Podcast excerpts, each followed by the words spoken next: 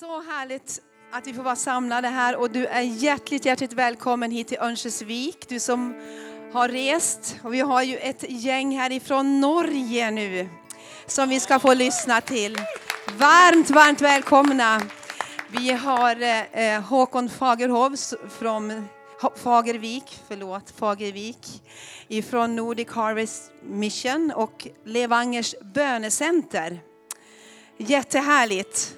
Och sen så har vi också eh, Anders Skarvsnor och Maren som kommer att också prisa Gud tillsammans med oss. Och ni har helt gäng med er. Så på eftermiddagen så ska vi få prisa Gud tillsammans med dem. Är du förväntansfull?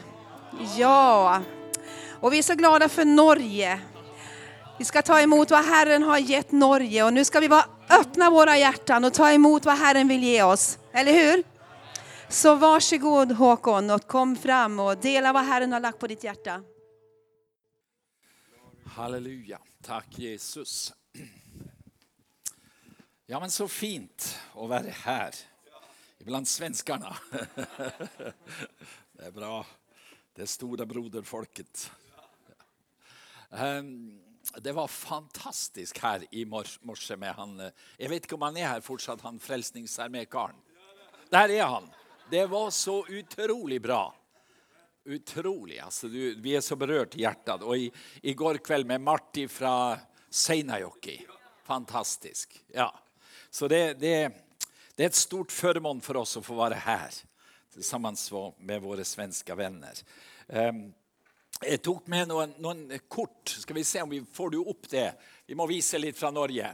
Er fra mitt, det her er fra mitt hjemsted. Dette er tatt på trappene til min mamma. Og der har du de syv søstrene. Det det heter på svensk. Ja. ja. Det er twins i midten der, ser du. Så da blir det sju. Eh, og så det her Når vi ser mot øst, når vi ser mot nord Skal vi se neste bilde? Skal vi se der kommer skal vi se om man får neste opp Der Der ser vi mot nord. Det er Dønnamann. Det er et veldig populært fjell å gå på toppen av. De er ca. 1000 meter, de her fjellene. Og så ser vi ut mot havet, så tar vi neste. Er, da får vi et fuglefjell ute i havet der. Dette er midnattssolen der ute. Så du må dra til Helgeland en gang. Det helige landet. I min, i min kommune, som jeg kommer ifra, er det 3600 øer. Så det er et mylder og mange skarpe fjell og sånn her. Og så kommer vi, Nå bor jeg på Levanger, nord om Trondheim. Vi må ta litt fra bønnesenteret også. Jeg tok noen bilder her.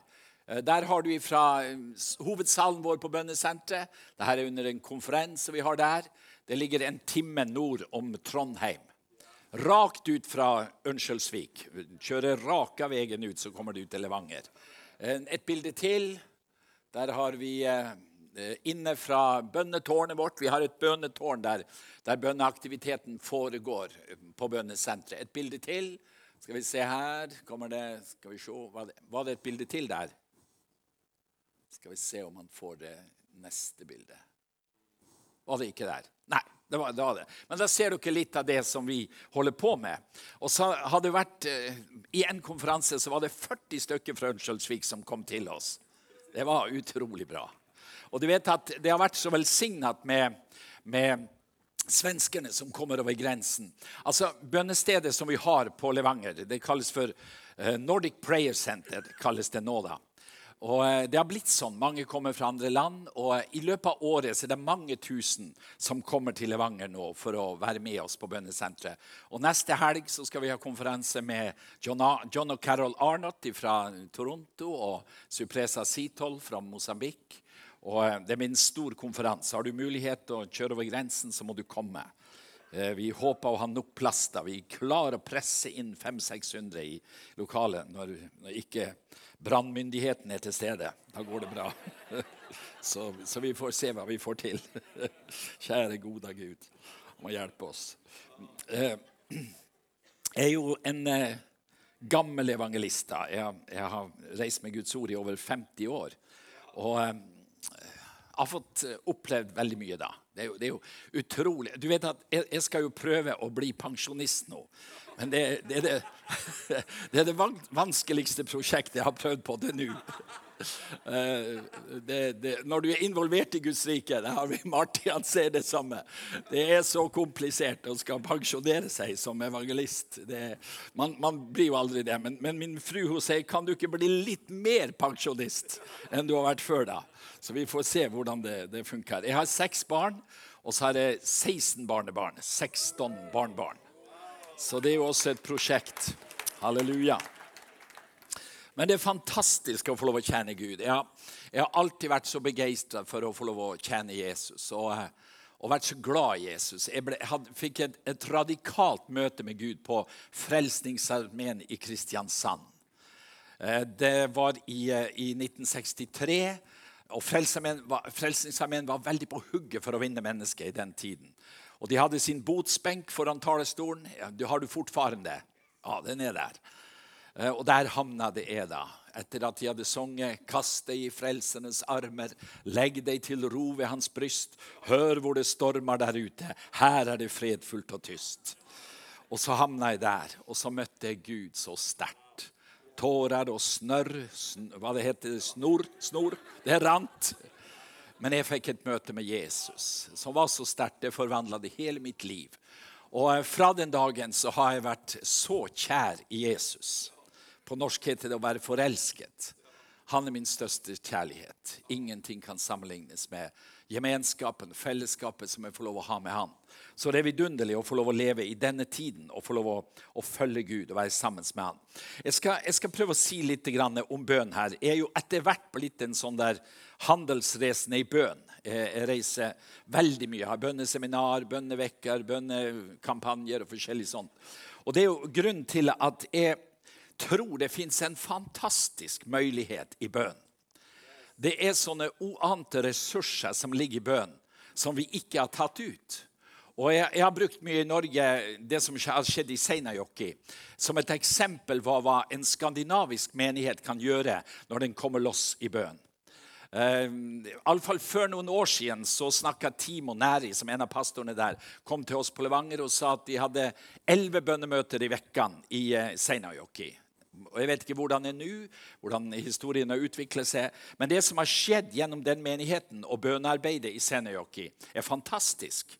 Der en vanlig skandinavisk by blir skaket av bønens kraft gjennom mennesker som søker Gud. Og Dette er bare et sånt eksempel på hva jeg tror hver enda menighet kan komme ut i hvis de begynner å øse av bønens kjeller og bønens ressurser. Og Det står i eh, Apostelens gjerninger 431 på norsk står det sånn Da de hadde bedt, skalv stedet der de var samla. De ble alle fylt av Den hellige ande, og de talte Guds ord med frimodighet. Og denne setninga her, 'da de hadde bedt', kan du sette foran enhver vekkelse som har gått over denne verden. Det fins en baptistpastor i England som har forsket på vekkelse. og Han sier så her historien er tyst om vekkelser som ikke har starta med bønn. Historien er tyst om vekkelser som ikke har startet med bønn. Og Hvorfor er det sånn? Jo, det er sånn nettopp fordi at gemenskapen med vår himmelske Far, gemenskapen med Jesus Kristus, er selve kjellene som alt flyter ut ifra hvis vi skal fungere for Gud i, i denne tiden. Og Det var så sterkt her i, i morges når du snakker om å, å være blant gatens folk, være ute i denne verden. Og Da er det spørsmål hva er det vi bærer med oss? Til den lidende og forsargede verden. Vi må, noe, vi må, ha noe, i tanken når vi kommer. Vi må ha noen ressurser. Og da er bønnen kjellene, der vi søker Gud, og så bærer vi himmelen med oss til mennesker som kommer i vår vei. Og Hvis du går inn i denne boken, så handler den om bønn. Eh, prøv å ta bort alt som handler om bønn i Bibelen, og det blir en ganske tynn bok. For her møter du mennesker som har bedt, som har søkt Gud, som har erfart bønnesvar. Denne boken er full av løften om bønn. Det er en inspirasjonsbok om bønn. Og Hvis du går inn i Guds ord, så vil du se at gjennom bønn så brøt Guds rike igjennom på en fantastisk måte gjennom mennesker som ba til Gud. Og eh, For meg så er kanskje apostelens gjerninger den sterkeste inspirasjonskilden i mitt bønneliv. I begynnelsen av, av denne, i apostelens gjerninger så drar Jesus de inn i bønnens verden. Du vet at Hvis du ser på Jesus sitt liv, så var det fundamentert på bønn. Alt det, alt det han gjorde, var fundamentert på bønn. Og før Jesus går til Golgata, like før han, han skal lide på Golgata, så sier han sånn her Mitt hus skal være et bønens hus blant alle nasjoner, blant alle folkeslag. Det var noe med det siste han sa før han gikk til Golgata kors. Og så i apostelens gjerninger så kommer det igjen. Så er det, Han skal bli tatt opp til himmelen, men like før han blir tatt opp, disiplene står sammen med han, så sier han det som står i apostelens gjerninger 1, 31. En gang han, en, apostelens 1, Apostelens gjerninger 1,4. En gang han spiste sammen med dem, befalte han dem. Og det ordet 'befale' er et militært uttrykk. Det betyr en, en, beordring, en befalning, som Jesus gir. Befalte han dem dette? De skal ikke forlate Jerusalem, men vente på det som Far har lovt, det som dere har hørt om av meg. For Johannes døpte med vann, men dere skal om noen få dager bli døpt med Den hellige ande. Dette verset er så sentralt. For her tegna Jesus en arbeidstegning av vekkelsens hus. Det siste som Jesus etablerte før han dro herifra, det var et bønnemøte. Og Han snakker her om at de skulle vente på det som Faderen har lovt. Hva gjorde disiplene? Gikk de rundt i Jerusalem og tvinna tomma? og liksom, Kommer det ikke snart? Skal vi ikke, skal vi ikke få det som var lovt? Nei, de organiserte seg i bønnemøtet. Så Jesus sa antagelig organisert og sa sånn skal dere vente på Den hellige ånd. Samles på salen, vær der i bønn. Og i Apostelens gjerninger 13 og 14 så står det at de var utholdende og vedholdende i bønn på øvre salen. Og Der lager de en landingsplass for Den hellige ande. Du vet, Den første menighet den var ingen menighet, den var et bønnemøte. Der var det alt starta. Alt starta i bønnemøtet. Og Der var det laga en landingsplass, så Den hellige ande kunne lande i denne verden. Den landa i bønnemøtet. Det var, det var landingsstripene. The airport of the Holy Spirit. Der kom den inn. Og sånn har Jesus vist at til alle tider så er det det som funker. Når vi ber til Gud, som forløses Guds rike, og så bryter Guds rike igjennom. Hvis du ser i Apostelens gjerninger, Det var en stor bønneleder i USA som heter Armin Gesvan. Han sa det sånn her. Apostelens gjerninger, der ber de i alle kapitler unntatt to. Og i de to kapitlene har de virkelig problemer, sier han. Altså, Hele boken er fylt av bønn. Det som skjedde på Øvre Sand, det ble praktisert utover hele den, den, første kristne tid. De ba til Gud, det brøt igjennom. De ba til Gud, det brøt igjennom. De ba til Gud, det brøt igjennom. Og Sånn ser vi hvordan Guds rike har gått fram til alle tider. Hele den kristne historie handler om mennesker som har søkt Gud, og så har det brøt igjennom til vekkelse og liv. Når jeg begynte som ung evangelist, så var, hadde jeg en livsforvandlende opplevelse ut på en, en ø ute i Lofoten, ytterst ute i havet. Jeg og min bror vi reiste rundt og, og sang, hadde møter. Jeg har en yngre bror som heter Kai, og vi sang og hadde møter i lag. Og Vi hadde øvd inn Kurt og Rolands sanger, og det var populært. Så vi hadde fulle hus. Vi kommer fra en sånn musikerfamilie. Så, og vi sang bra sammen, og mye folk kom. Og så kom vi ut til regnet, Skulle vi ha vekkelseskampanje ute på Reine. Og så var det bare hardt og tungt. Masse folk på møtet. Eh, misjonshuset var fylt med folk, men ikke noe gjennombrudd. Ingenting som skjedde. Og så Når enda, møtet var slutt, så kommer det en, en gammel pingstsøster som heter Ella, til meg. Og så sier hun, 'Nei, gutter, det her går ikke.' Her må vi be oss igjennom, sa hun. Og Jeg hadde aldri hørt uttrykket før. Ja, men så sa jeg, Hva betyr det å be seg igjennom? Jo, sa vi må jo be oss igjennom, så det blir vekkelse og liv her på regnet. Og så tok hun oss med inn i bønnen, denne gamle damen. Eh, og hun kunne be. Hun var en av de her virkelig bønnekrigerne da. Og så, så, sa hun sånn her at gutter må dere komme igjen. Nå må vi be til Gud. Og hun hadde en litt sånn spesiell teologi. Hun sa først var hun blitt radikalt født på ny. Så var hun blitt døpt i vann og ånd med tunger som tegn. Men det var ikke nok, sa hun. I tillegg så hadde hun fått ABBA-ropet. Og det var liksom et nivå høyere. Så når vi drev, når vi drev og ba til Gud, så skrek hun så det jolla i huset. Abba! Sa hun plutselig sånn der. Men hun hadde taket på det her med bønn, og hun ba til Gud. Og så dro oss med inn i bønn. Vi var to unge evangelister. Og så sa hun nå må dere komme igjen, gutter. Be til Gud. Og jeg, Det var første gangen jeg hadde sett noen gikk og ba, for vi lå alltid på kne i den tiden når vi ba til Gud. Men hun marsjerte inne i eh, misjonshuset og ba til Gud. Kom igjen, kom igjen, sa hun. Vi må be til Gud. Vi må, vi må stå på her. Og så er det en formiddag, så sier hun Kjenn dere nå, sa hun. Nå kommer det. Nå kommer det, sa hun. Og da sensa hun noe i atmosfæren av vekkelse som var på gang. Og så starta det en vekkelse ute i Lofoten, der masse folk ble frelst. Folk var kalt av Gud overalt. I hjemmene. De som ikke hadde vært møte, de kom under Guds kall. Atmosfæren var skifta. Det var et nytt klimat ute på plassen der. Og en stor vekkelse. Vi ble stående i lang tid, og en menighet ble starta ut fra vekkelsen ute på Reinet. Og da lærte jeg det her at hvis vi skal se et gjennombrudd, så må vi be til Gud. Vi må søke Guds ansikt for at Guds ånd kan komme. Du vet at mitt, mitt liv som unge kristen ble forvandla av de her bøn, gamle bønedamene. Jeg var blitt frelst. Eh, Begynte som 14 års gammel gutt ute på sjøen. Jeg kommer fra den øen som du så her. Og, og jeg skulle bli fiskere. All min slekt var fiskere på mammas side og pappas side. Det var bare fisker. Alt handla om fisk. Så min store drøm var å bli fisker. Hadde min egen, ha min egen båt. Det var min store drøm da. Som 14 år gammel så begynte jeg på en stor fiskebåt. Vi var 25 mann om bord i båten. Og et tøft miljø. Mye drikking og festing og sånn her. Men jeg hadde en sånn djup lengtan etter Gud i mitt hjerte. Jeg hadde en mamma som ba en bestemor som ba. Og jeg, jeg var under Guds kallelse. Og så ble jeg frelst eh, på Frelsesarmeen i Kristiansand en lørdag kveld. Men så kom, skulle vi bygge om fiskebåten, og så kom vi opp til Bodø. Og så kom jeg inn i eh, Pingstkirken i Bodø. Og der møtte noen av de her gamle bønnedamene. Og Jeg kom jo fra en statskirkebakgrunn. Jeg var litt sånn frustrert over liturgisk bønn og sånt fra hjemmemenigheten i den lutherske kirken. Og så møtte de her gamle damene og sa det er jo så herlig å be til Gud.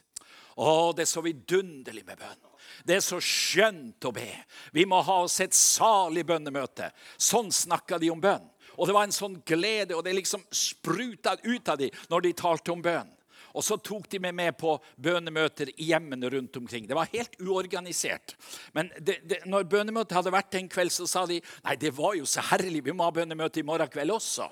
Og så gikk det liksom på gang sånn her. Og så ba de til Gud, og så dro de meg inn i en verden som var fantastisk. De begynte å undervise meg om bønn. De fortalte meg om bønn og faste. Du må faste hvis du virkelig skal få gjennombrudd. Og jeg begynte å faste som unggutt. Jeg var 16 år gammel. Og du vet, når du er 16 år, så er du full av, av følelser og kjensler, og, og jeg sugde til meg alt maksimalt ifra disse damene. Og så i ett av de bønnemøtene så var det Gud kalte meg til å bli evangelist. Jeg var fiskere, fisker. Jeg jeg ville være fisker. Jeg vil ikke være predikant. I, i, i, det hele tatt. Uh, og Gud hadde begynt å jobbe med mitt hjerte. Og, og min store utsjekk overfor Gud var dette at jeg har det fødselsmerket her. følelsesmerket i ansiktet. Jeg sa, Gud, det går ikke an at jeg kan være evangelist. Du har skapt meg sånn her, og da må du ta responsible, du må, du må ha ansvar. Jeg kan ikke bli evangelist. La meg være fiskere, fisker. Det er greit at torsken ser meg, men la ikke folk se meg. Sånn, sånn uh, sa jeg til Gud, da. Eh, og, men, men, men, Gud jobbet med meg, kalte meg til å bli evangelister. Og så I et av de bønnemøtene så, så jeg en visjon, en, en, på mange måter skremmende visjon. Jeg så masse mennesker som gikk fortapt, som raset utfor en klippa. og Der sto en mann som prøvde å berge dem og ta dem inn og, og hente dem opp, så de ikke skulle gå, ut, gå i fortapelsen. Og så sa Gud til meg, Håkon, der er din plass. Og Jeg var omskaka til vekkevis, og jeg kjempa imot Guds kall. Jeg tok meg jobb i Oslo på en, en kjeksfabrikk der og prøvde å riste av meg kallet, men Gud bare ble sterkere og sterkere. Og Som 17 års gammel gutt så begynte jeg da som evangelist. Og så er jeg så takknemlig til Gud for de her gamle bønnedamene som ledde meg inn i noe som har preget hele mitt liv. Jeg vet at Veien vi har å gå hvis Gud skal bryte igjennom, det er at vi må søke Hans ansikt. Og søke Gud. Det står at 'søk først Guds rike'. betyr, så, så, så, er det mange som tar resten av det verset og sier at så får du alt det andre i tillegg. Men det er jo bare tillegget. For det du får når du søker Guds rike, det er jo Guds rike. Det er jo Guds rikets kraft og all den herlighet som Guds rike bærer med seg. Så hvis du vil søke Guds rike, så får du Guds rike, og så bryter Guds rike igjennom. Og Det er derfor bønn er så fantastisk en mulighet som Gud har gitt oss. Halleluja. Du vet at det står at Gud har sagt vaktmenn ut på murene i Jerusalem. Vi er, vi er, kalt til å være en sånn vaktmannsstyrke. Og Det står i, i Isaiah 62.: Jeg har satt vaktmenn ut på murene dine i Jerusalem. De skal aldri tie, verken dag eller natt. Så du hører, Her er ikke vanlige vaktmenn med sverd og spyd, og sånt her, men det er mennesker som ber. De skal aldri tie verken dag eller natt. Dere som påkaller Herren, under ingen ro. La ikke Han få ro før Han bygger Jerusalem opp igjen og gjør henne til en lovsang på jorden. Vi har en kallelse til å være åndelige vaktmenn i den nasjonen som vi, vi bor i. Og Jeg må si at jeg har vært så gripen den siste tiden å høre det som skjer med Sebastian, og, og, den vekkelse som pågår i Sverige. At uh, unge mennesker blir frelst i tusentall. Og vi, vi, vi, ønsker jo å dele gode rapporter. Og jeg har fortalt i Norge Har du hørt hva som skjer i Sverige? Har du hørt hvordan Gud går fram i Sverige? Har du hørt hva Sebastian står i borti Sverige? Og jeg har delt de podkastene, og, og, og det er det her vi ønsker. Men jeg tror før det før Sebastian kom på banen, så er det mennesker i dette landet som har bedt. Det fins noen sånne bønnemenigheter. Sødermalm er en av de. Citykirken er en dem. Det finnes noen som jeg kjenner til. det, Og det er sikkert mange flere som har bedt til Gud at Gud skal gjøre noe spesielt i Sverige. Og Dag har Gud sin vei. Jeg er blitt så glad i Svergesbønnen. Du vet, Svenskene er jo så organisert, så mye mer enn oss. Så Lars som sitter der, har, de har en, en, en, sånn organisasjon der i hver kommune i Sverige skal det finnes en bønnegruppe. Hvor mange var det nå på nasjonaldagen? Det siste? 260 plasser der de ber på nasjonaldagen. Fantastisk. Og det her er så bra. Og det, det, det, det, er det Gud holder på med. Før vekkelsen virkelig bryter igjennom, så begynner det å vokse opp sånne bønnegrupper overalt. Menigheter som ber, folk som våkner opp for bønn. Og så ut ifra det så kommer vekkelse og liv. Sånn har det vært i all kristen historie. så har det vært på denne måten her. Du vet, Gud har vært nådig mot Norge, mot Finland, mot Sverige. Han har skrevet vår historie med vekkelser. Og Hvis du begynner å granske vekkelseshistorien, så var det mennesker som begynte å be til Gud. Og ut ifra bønemøtet så ble bygder og byer skaket av Guds kraft, og så kom vekkelsen. Vaktmennene som sto på murene. Og Det interessante med det verset her vi, vi, Mange sier til meg at vi må vokte grensen. Vi har, vi før var vi det eneste Nato-land um, som hadde grense til Russland. Og Mange reiste opp til russergrensen og ba der. Og Jeg har selv gått langs grensen og jeg har bedt inn mot Russland om beskyttelse av landet. Men du vet at det er ikke bare det at vi er kalt til å beskytte vår nasjon gjennom bønn. Men vi er kalt til noe annet, og det er at vi er kalt til å åpne døren, så Jesus kan komme inn med sin herlighet. Og Det står så fint i Johannes evangeliet. Jeg må lese fra Johannes 1 her. Har du Bibelen med deg? Skal du se hva det står der? Sannelig, sannelig, jeg sier det, den som ikke går inn til fåreflokken gjennom porten, men klatrer over et annet sted, han er en tyv og en røver. Men den som kommer inn gjennom porten, er gjetere for sauene. Og så hør det her. Vaktmannen åpner opp for ham og sauene hører stemmen hans. Han kaller sine egne sauer ved navn og fører dem ut. Og når han har fått ut alle sine, går han foran dem, og sauene følger ham, for de kjenner hans stemme. Hørte du her, her? Hva er det vaktmennene gjør? De åpner opp for han. Og Det er en sånn viktig del av ditt bønneliv. Det at du er en døråpner inn til Ørskjølsvik. Der du kan si 'Jesus, du må komme'. Du må komme, du må vandre inn i vår by, sånn at vekkelse og liv kan pregle denne byen her. For, for, mange år siden, i 88-89, fikk jeg stå i en sterk vekkelse i Karasjok oppe i Finnmark. Eh, det var en helt tragisk situasjon i Karasjok. Et lite samhelle på 2800 mennesker. Tolv unge mennesker hadde tatt sitt eget liv, begått selvmord i Karasjok. En, en samisk bygd oppe i, oppe i, nord.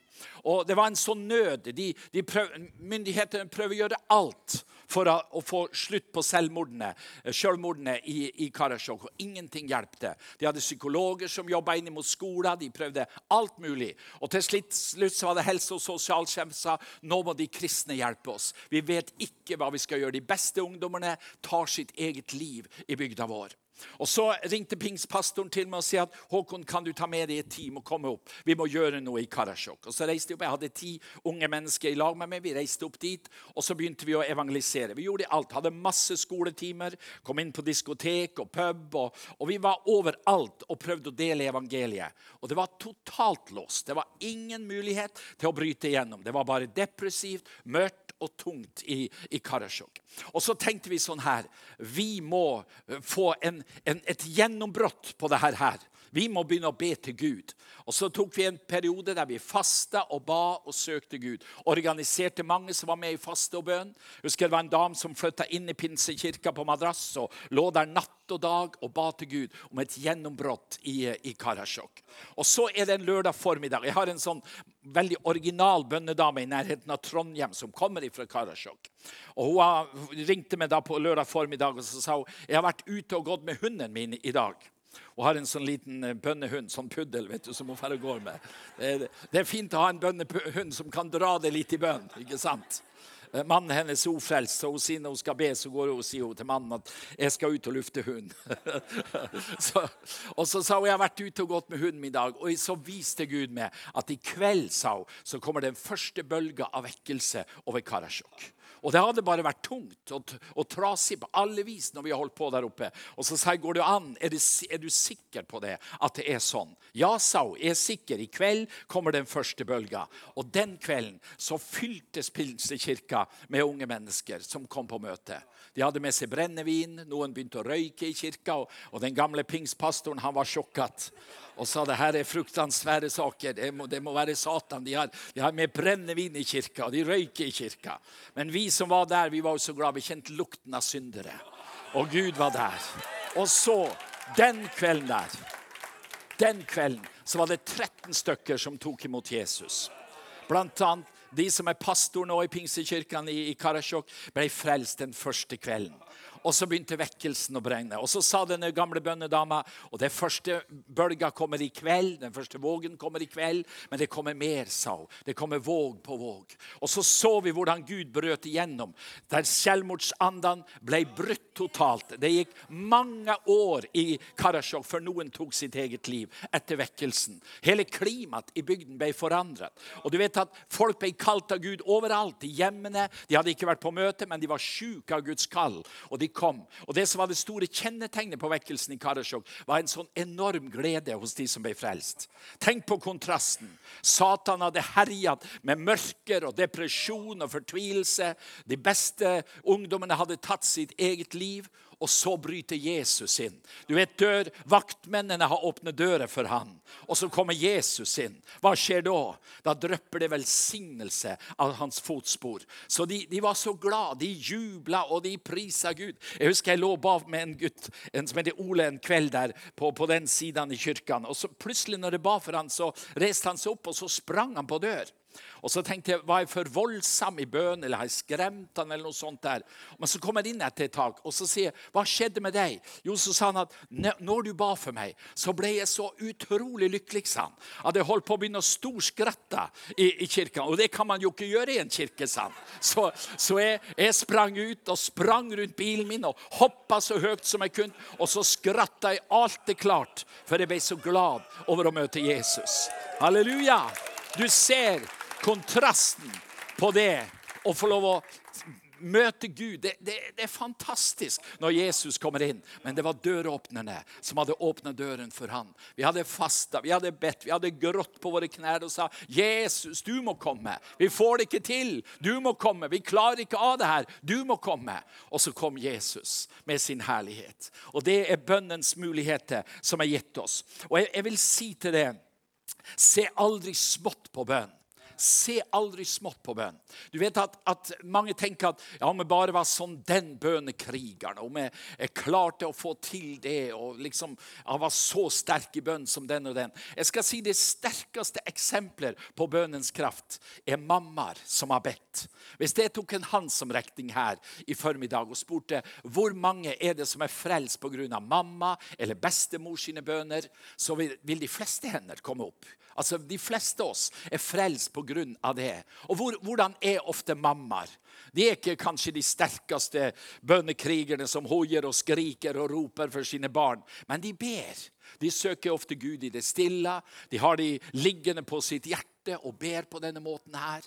Og Gud han svarer på mamma sin bønn.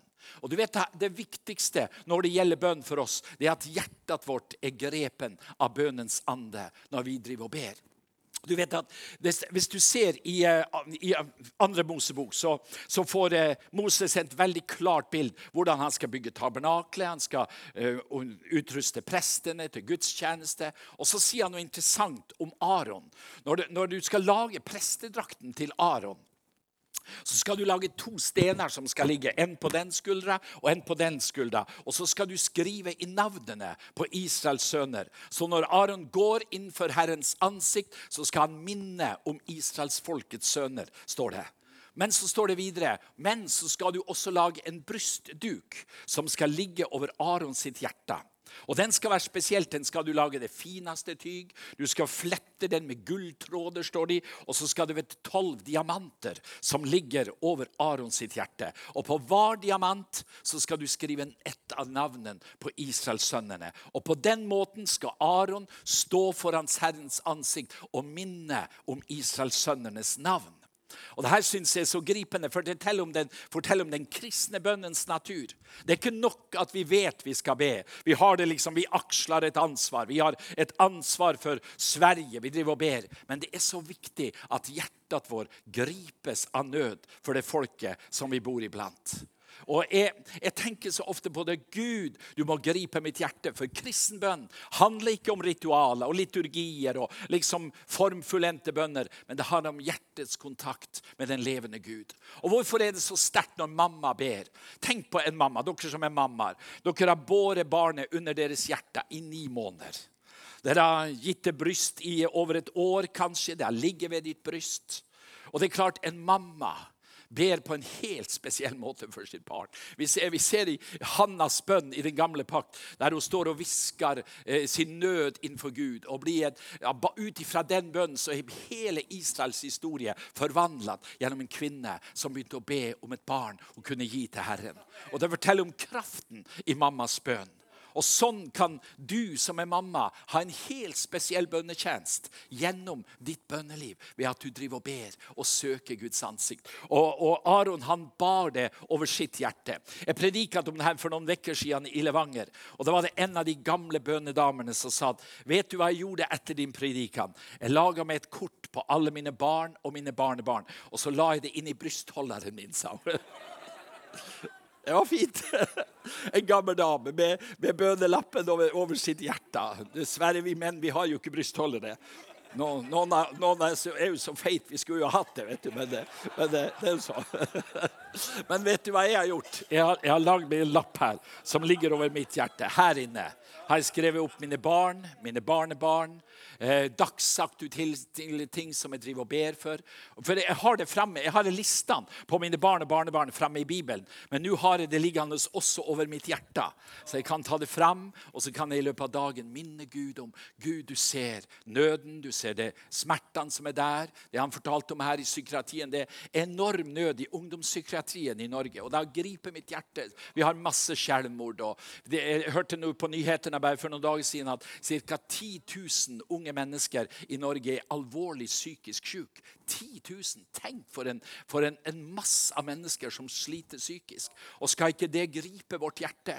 Jeg var i en liten ort på Helgelandskysten for en tid tilbake og, og drev ut noen ånder av et hus. Det var en ikke-kristen familie som hadde sånn uro i huset. Og det, det er veldig enkelt for oss. da. De, de onde de er jo vettskremt når vi kommer, så de flyr.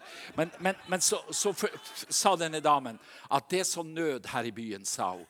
Nå er det fem unge mennesker som har tatt sitt eget liv. To unge jenter på 15 år hadde tatt sitt liv og, og, fortalte. Og så sa hun i det byggefeltet, Det var et helt nytt byggefelt med nye hus. Og så sa hun det er sånn uro i mange hus her.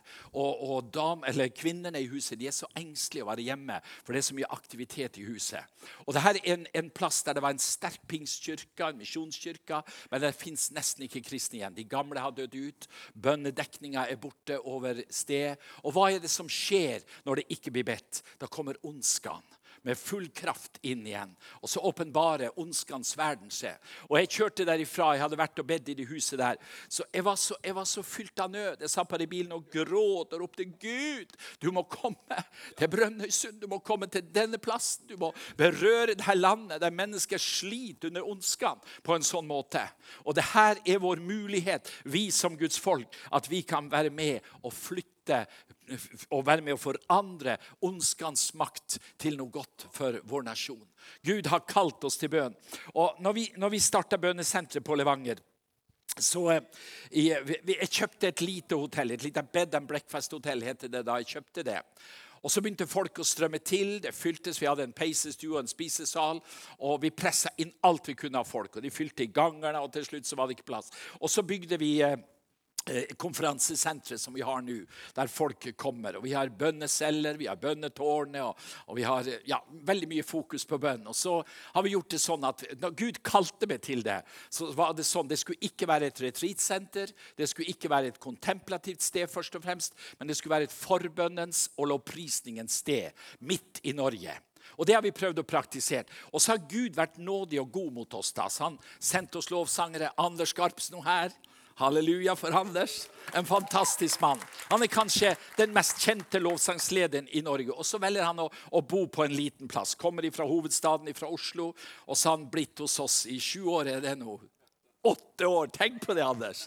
Og hva skjer når, når du fyller huset med lovprisning og begeistring for Jesus? Det er så sterkt. Jeg skal si det, Anders og tjenesten og mange andre som vi har i miljøet vårt. Det yngler rundt. Unge mennesker kommer opp. De, de får, får, eh, et hjerte for lovprisning, instrumenter. Det er masse musikere. Og, og vi kjenner hvordan Herren skaker i atmosfæren når han blir lovprist og tilbedt. Og det er det som Gud kaller oss inn i. Og jeg vil si til deg, du som kanskje sliter med ditt, ditt bønneliv, begynn å be på nytestamentlig vis.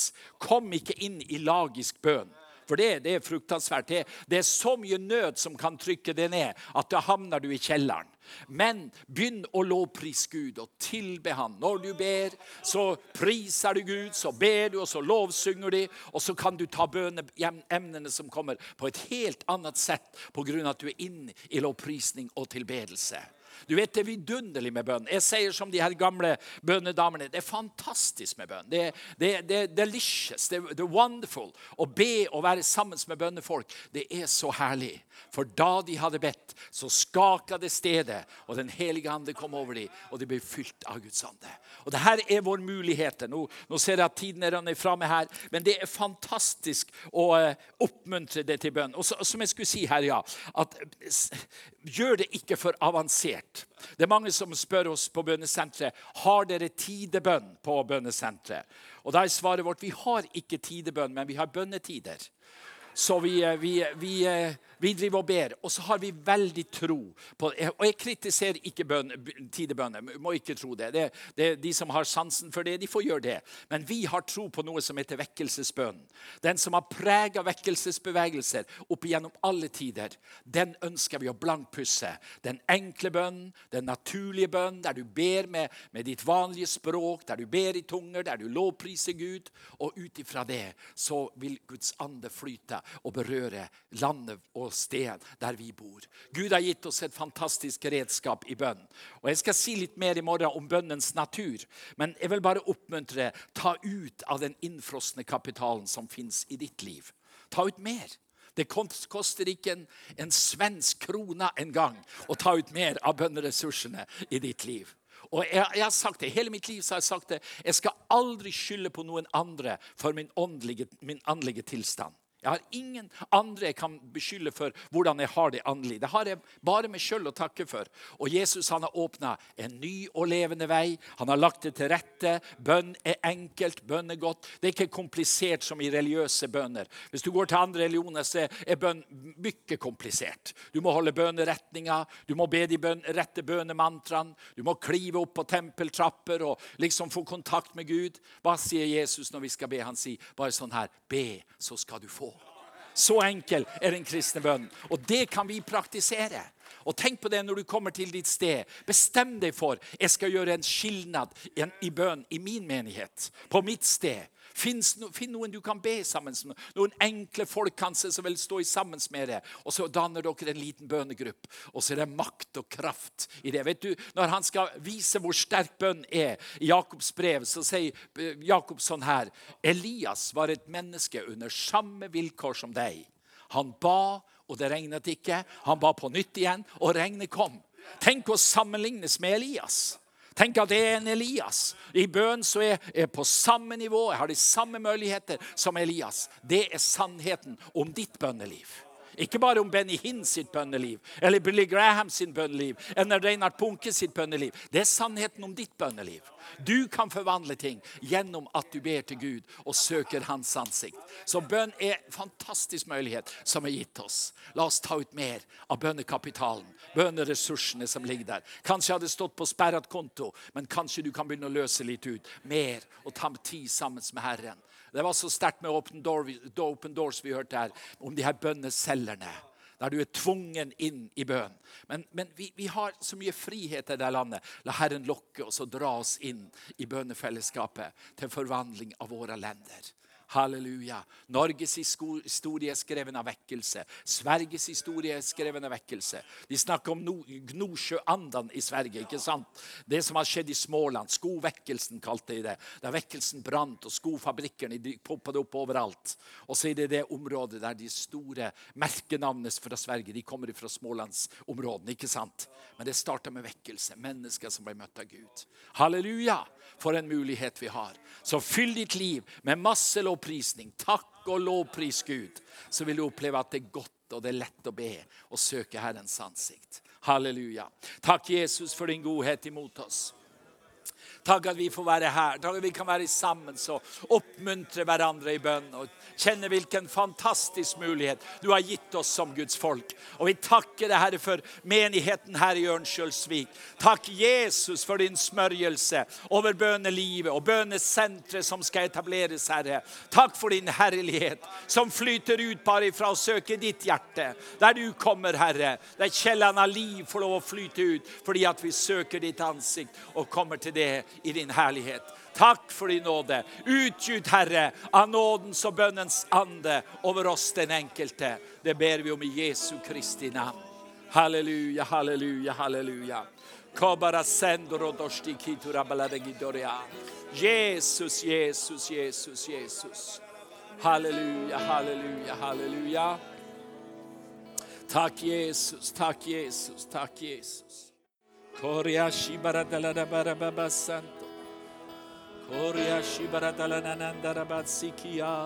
Skal vi løfte vår røst og bare be litt nå inn inn i situasjonen? Det som jeg har nevnt her. Situasjonen i Sverige, situasjonen i Norge. De unge mennesker som sliter med livene sine pga. ondskan som har inntatt. Vær med og be. Forløs noe av Guds salvelse over disse lenderne, så Herren kan komme med sin herlighet over Sverige og Norge og Finland nå.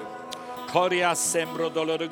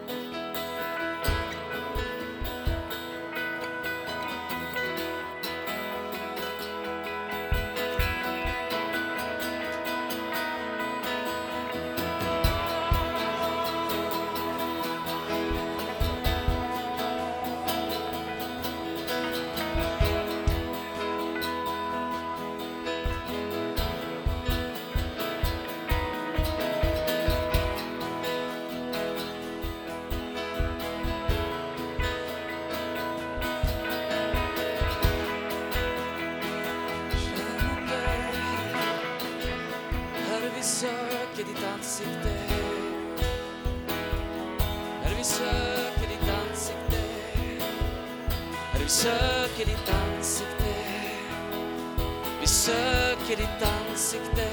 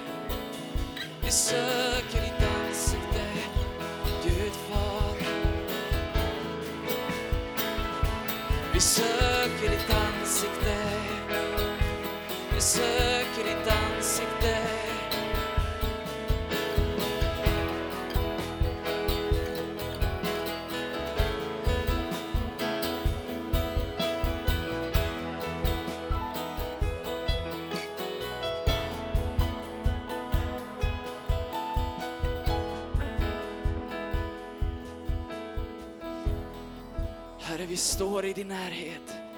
Står i din närhet.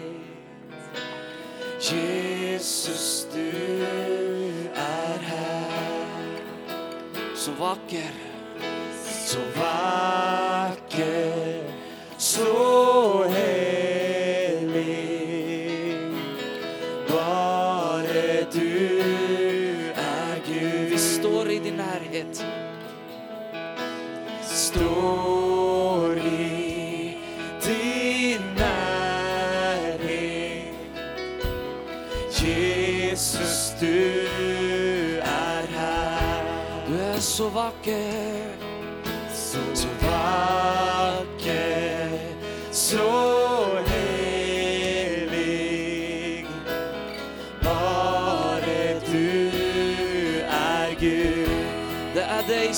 scared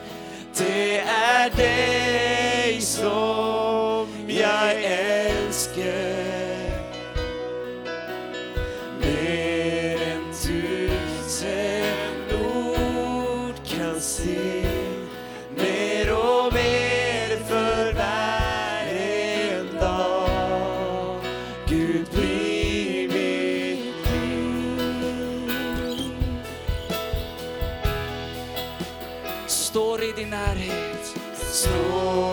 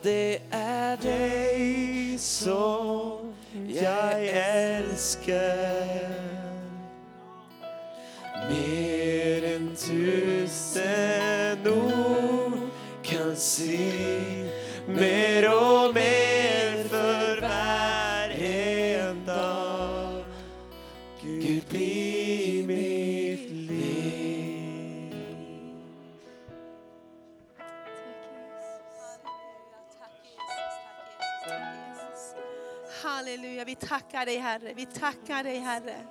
Vi takker deg Herre. Herre, vi er så tacksamma til deg, Vi er så tacksamma til deg Herre. Halleluja, halleluja, halleluja. Vi takker deg Jesus. takk for den bönens og nådens ande over oss Herre. over ditt folk Herre. takk at du befruktar oss Herre med en bönens og nådens ande.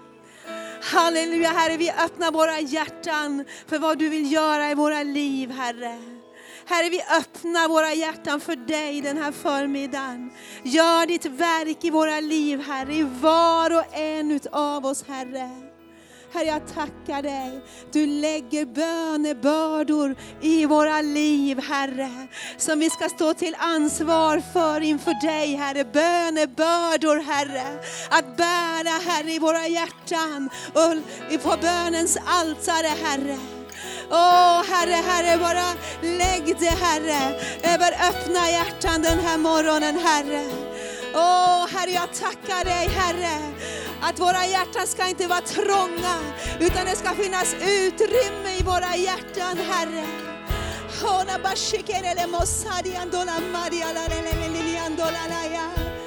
Och vi öppnar våra hjärtan för dig, Herre.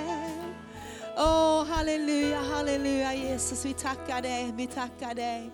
Halleluja, är du inte glad att du är här? Halleluja, tack Jesus, tack Jesus, tack Jesus. Tack Jesus, Gud gör ett verk djupt i våra hjärtan. Halleluja. Och jag tror att Gud befruktar oss med bönens ande den här morgonen. Och bara ta del av det Gud gör.